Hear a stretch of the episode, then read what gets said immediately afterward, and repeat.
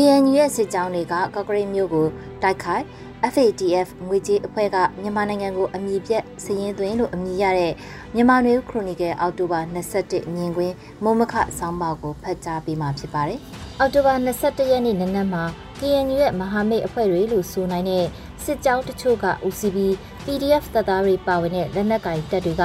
ကော့ကရိတ်မြို့နဲ့ဆက်ဆက်နေတဲ့တရင်အစိုးရရုံးတွေရှိတဲ့နေရာရဲစခန်းအချုပ်ခန်းစတဲ့နေရာတွေကိုရုတ်တရက်ဝင်ရောက်တိုက်ခိုက်ခဲ့တာဖြစ်ပါတယ်။အရင် GKB အဖွဲ့အနေနဲ့လက်နက်ကင်လှုပ်ရှားခဲ့တဲ့ဘူကျော်သက်ဘူစာလုံးတို့ကမကြသေးတဲ့လအနည်းငယ်က KNU နဲ့ပြန်ပေါင်းခဲ့တာဖြစ်ပါတယ်။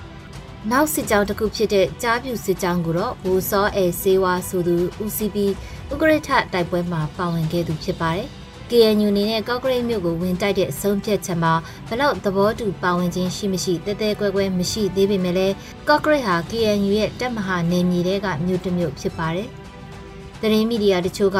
မြို့သိမ်းတိုက်ပွဲစတင်ပြီးဆိုတဲ့သတင်းကောင်းစင်နဲ့ရေးသားကြတာလည်းတွေ့ရပါတယ်။ ကော့ကရိတ်မြို့ကိုသိမ်းဖို့ပိုင်းပြတ်ထားတဲ့သဘောမျိုးအထိပ္ပယ်ရပြီးသတင်းတစ်ပုဒ်မှာတော့မြို့သိမ်းထားဖို့အခက်အခဲရှိနိုင်တယ်ဆိုတာမျိုးတိုက်ခိုက်တဲ့စစ်ကြောင်းကဘိုးဖြစ်သူကပြောထားတာလည်းဖတ်ရပါတယ်။မြို့ကိုတင်ထားဖို့ရအတွက်ဗျူဟာမြောက်လက်နက်ရန်တရားတို့လိုအပ်ချက်တွေရှိနိုင်ပါတယ်။တိန်ယူထိန်ချုပ်တာထက်စိတ်သက်အင်အားတက်ကြွမှုအင်အားစမ်းသပ်တာအဖြစ်တိုက်ခိုက်ပြီးပြန်ဆုတ်ခွာတာမျိုးအနေထားကပိုဖြစ်နိုင်ခြင်းများနိုင်ပါတယ်။ ကော့ဂရိတ်မြို့ကိုတင်းယူမနိုင်သည့်တိုင်တိုက်ခိုက်ချင်းချောက်နိုင်တဲ့ဆိုတဲ့ရည်မှန်းချက်မျိုးနဲ့တိုက်ခိုက်တယ်လို့လည်းယူဆနိုင်ပါတယ်။2010ရွေးကောက်ပွဲကျင်းပချိန်မြောက်ရီကို DKBA ကဝင်ရောက်တိုက်ခိုက်ခဲ့တဲ့အဖြစ်အပျက်ဖြစ်ပျက်ခဲ့ပြီးနောက်ခုတစ်ကြိမ်ကော့ဂရိတ်မြို့ကိုဝင်ရောက်တိုက်ခိုက်မှုဖြစ်ပွားတာဖြစ်ပါတယ်။ကော့ဂရိတ်မြို့အနေနဲ့ခရိုင်ရုံးဆိုင်ရာမြို့တစ်မြို့ဖြစ်ပြီးထိုင်းမြန်မာကုန်သွယ်ရေးလမ်းအနီးမှာတည်ရှိပြီးလက်ရှိမှာတော့စီးပွားရေးရမြရီမြို့လောက်အရေးပါတဲ့မြို့တစ်မြို့မဟုတ်ပါဘူး။ အခုရက်ပိုင်းအတွင်းအာရှအဝေးပြေးလမ်းအနီးမှာ KNU နဲ့တိုက်ပွဲတွေဖြစ်နေတာကြောင့်ကုန်သွယ်ရေးလမ်းနှစ်ရက်ကျော်ပိတ်ထားရပြီးအသွားလာလှလို့မရတဲ့အနေအထားမျိုးဖြစ်နေချိန်မှာကော့ဂရိတ်မြို့ကိုဝင်ရောက်တိုက်ခိုက်မှုတွေဖြစ်ပွားလာတာပါ။စစ်ကောင်စီဘက်ကတော့ထုံးစံအတိုင်းလေကြောင်းပစ်ကူကိုအတိကသုံးပြီးမြေပြင်တရင်တွေဘက်ကလည်းလက်နက်ကြီးနဲ့ကော့ကရိတ်မြို့ဘက်ကိုပစ်ခတ်တယ်လို့ဆိုပါတယ်။လက်နက်ကြီးကြီးကြားရောက်တာ လေရင်ရဟတ်ရင်နဲ့ပစ်ခတ်တာတွေကြောင့်အရက်သား2ဦးသေဆုံးပြီးဒဏ်ရာရသူတွေလည်းရှိခဲ့ပါတယ်။အခုလိုကော့ကရိတ်မြို့ကိုသိမ်းယူဖို့တိုက်ခိုက်မှုတွေနဲ့ပတ်သက်လို့စစ်ကောင်စီစန့်ကျင်သူအများစုကစိတ်သက်တက်ကြွစရာမြို့သိမ်းတိုက်ပွဲအဆင့်ကိုတက်လှမ်းတော့မလားဆိုတဲ့မျှော်လင့်ချက်တွေနဲ့အားပေးထောက်ခံကြပြီမဲ့လည်းမြို့နေလူလူအနေနဲ့တော့ထန်တလန်မြို့လိုမြို့တစ်မြို့လုံးပျက်စီးမဲ့အရေးတွေးပူကောင်းပူဝင်ကြလိမ့်မှာဖြစ်ပါတယ် ဒီနေ့ဖို့အခြားသတင်းတစ်ပုဒ်ကတော့နိုင်ငံတကာငွေကြေးဆိုင်ရာစောင့်ကြည့်ရေးအဖွဲ့က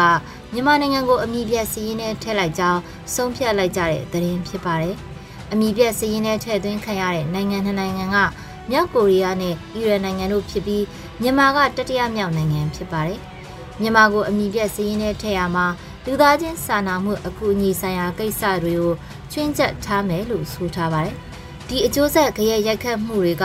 ငကိုကလေးကငွေတံမိုးကြပြီးငွေဖောင်းပွားကအလောက်ကန်ရှားပါနေတဲ့နိုင်ငံရဲ့စီးပွားရေးအကျက်တဲကိုပို့ပြီးဆိုးရွားဖို့ဖြစ်လာလိမ့်မယ်လို့အများကယူဆနေကြပါတယ်။2019ခုနှစ်ကတည်းကငွေကြေးခဝါချမှုတရားမဝင်ငွေကြေးလွှဲပြောင်းမှုတွေငွေရစေဝါလောင်းကစားတွေနဲ့သက်ဆိုင်တဲ့ကိစ္စတွေကိုတင်းတင်းကြပ်ကြပ်မူဝါဒချမှတ်ပြီးလှုပ်ဆောင်မှုသတိပေးခဲ့ပြီးမြန်မာနိုင်ငံကအညိုရောင်စောင့်ကြည့်စင်းနဲ့ထည့်သွင်းခံထားရကအခုနှစ်မှာတော့အမြင့်ပြည့်စင်းနဲ့ထည့်သွင်းခံရတာဖြစ်ပါတယ်။ စီးပွားရေးအကျက်တဲကတနိုင်ငံလုံးခန်းစားနေရမယ့်အချက်ကတန်ရဖြစ်ပွဲမရှိပါဘူး။စစ်ပွဲတွေတလွဲစီမံခန့်ခွဲမှုတွေလက်နက်ကင်တိုက်ပွဲတွေအတွက်ငွေထောက်ပံ့မှုတွေကိုလည်းအနေနဲ့အများထိခိုက်စေနိုင်ပါတယ်။အပိုဆောင်စည်းတွေငွေလဲနှုန်းမြင့်တက်သွားတာတွေရဲ့ကြရက်ကတရားမဝင်စီးပွားရေးရောတရားဝင်စီးပွားရေးပါအလုံးတက်ရောက်မှုရှိမယ်လို့ထင်ပါတယ်။ညရင်ချင်းအွန်လိုင်းပေါ်ကငွေလဲလုပ်ငန်းဈေးနှုန်းတွေမှာတဒေါ်လာကိုကျပ်9000 6000အထိဈေးကစားတဲ့နှုန်းတွေတင်နေကြတယ်လို့လည်းတွေ့နေရပါတယ်။ နောက်တရက်မိုးလင်းတာနဲ့